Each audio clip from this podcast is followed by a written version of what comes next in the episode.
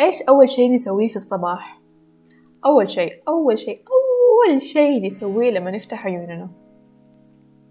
أغلبنا يفك الجوال يشيك على الواتساب يشوف أحد كاتب له صباح الخير يقوم يضغط على خانة الكتابة تقوم تظهر لوحة المفاتيح على الشاشة وبعدين يمرر أصابعه بين أحرفها يكتب صاد باء ألف حاء مسافة ألف لام نون واو راء. وبعدين يحط وردة أو شمس أو قلب على كيفه. بعدين يرسل وبعدين دقيقة خلونا نوقف السيناريو هنا شوية. ونرجع ورا شوية كمان كمان كمان كمان كمان كمان. أيوة وقف هنا. يلا شغل.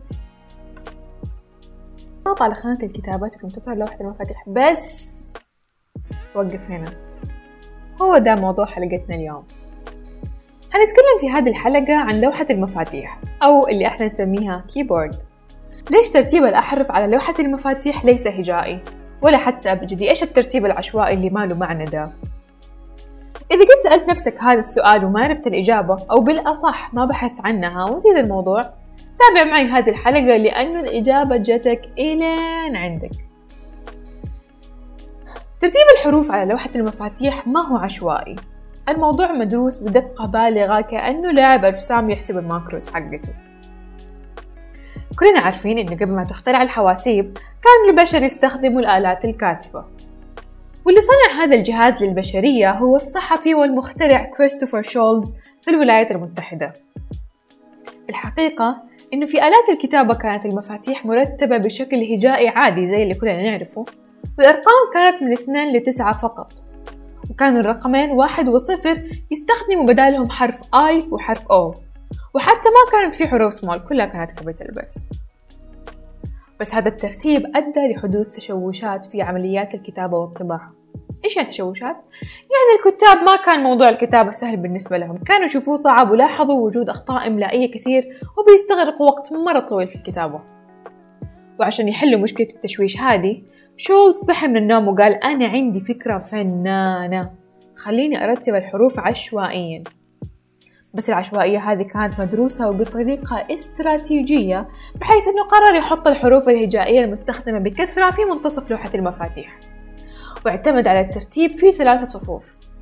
ومر الموضوع بمراحل وتجارب عديدة إلى ما وصلنا لطريقة أو لترتيب كويرتي Q W E R T Y اللي نعرفها اليوم. هذا الترتيب أتاح للناسخ أنه يستخدم يدين الاثنين في الكتابة.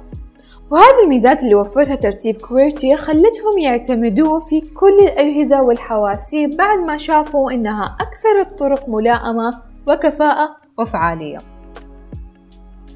ترتيب الحروف بهذه الطريقة بدأ باللغة الإنجليزية وبعدين اتبعتها باقي اللغات.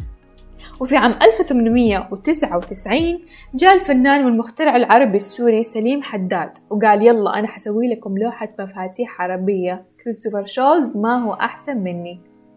وفعلا. صمم أول لوحة مفاتيح عربية بس مو نفسها اللي نستخدمها اليوم.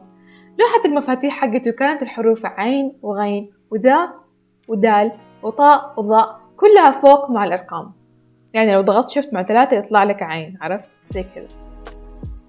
وبعدين جت شركة IBM حقت الحواسيب وقالت يلا أنا حدلعكم. حطت لنا تشكيلات وهمزات ورتبت لنا ال keyboard بشكل فنان مع إنها ما أدري ليش كانت زعلانة من حرف الدال رمته فوق على اليسار في الزاوية لحاله مسكين بس يلا مو مشكلة.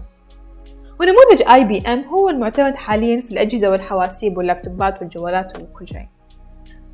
ولو في يوم صحيت من النوم ولقيت انه في طريقة ترتيب أفضل من الطرق الموجودة شاركها معي. يمكن تعجب شركات تصنيع الكمبيوترات ونصير مليارديرين.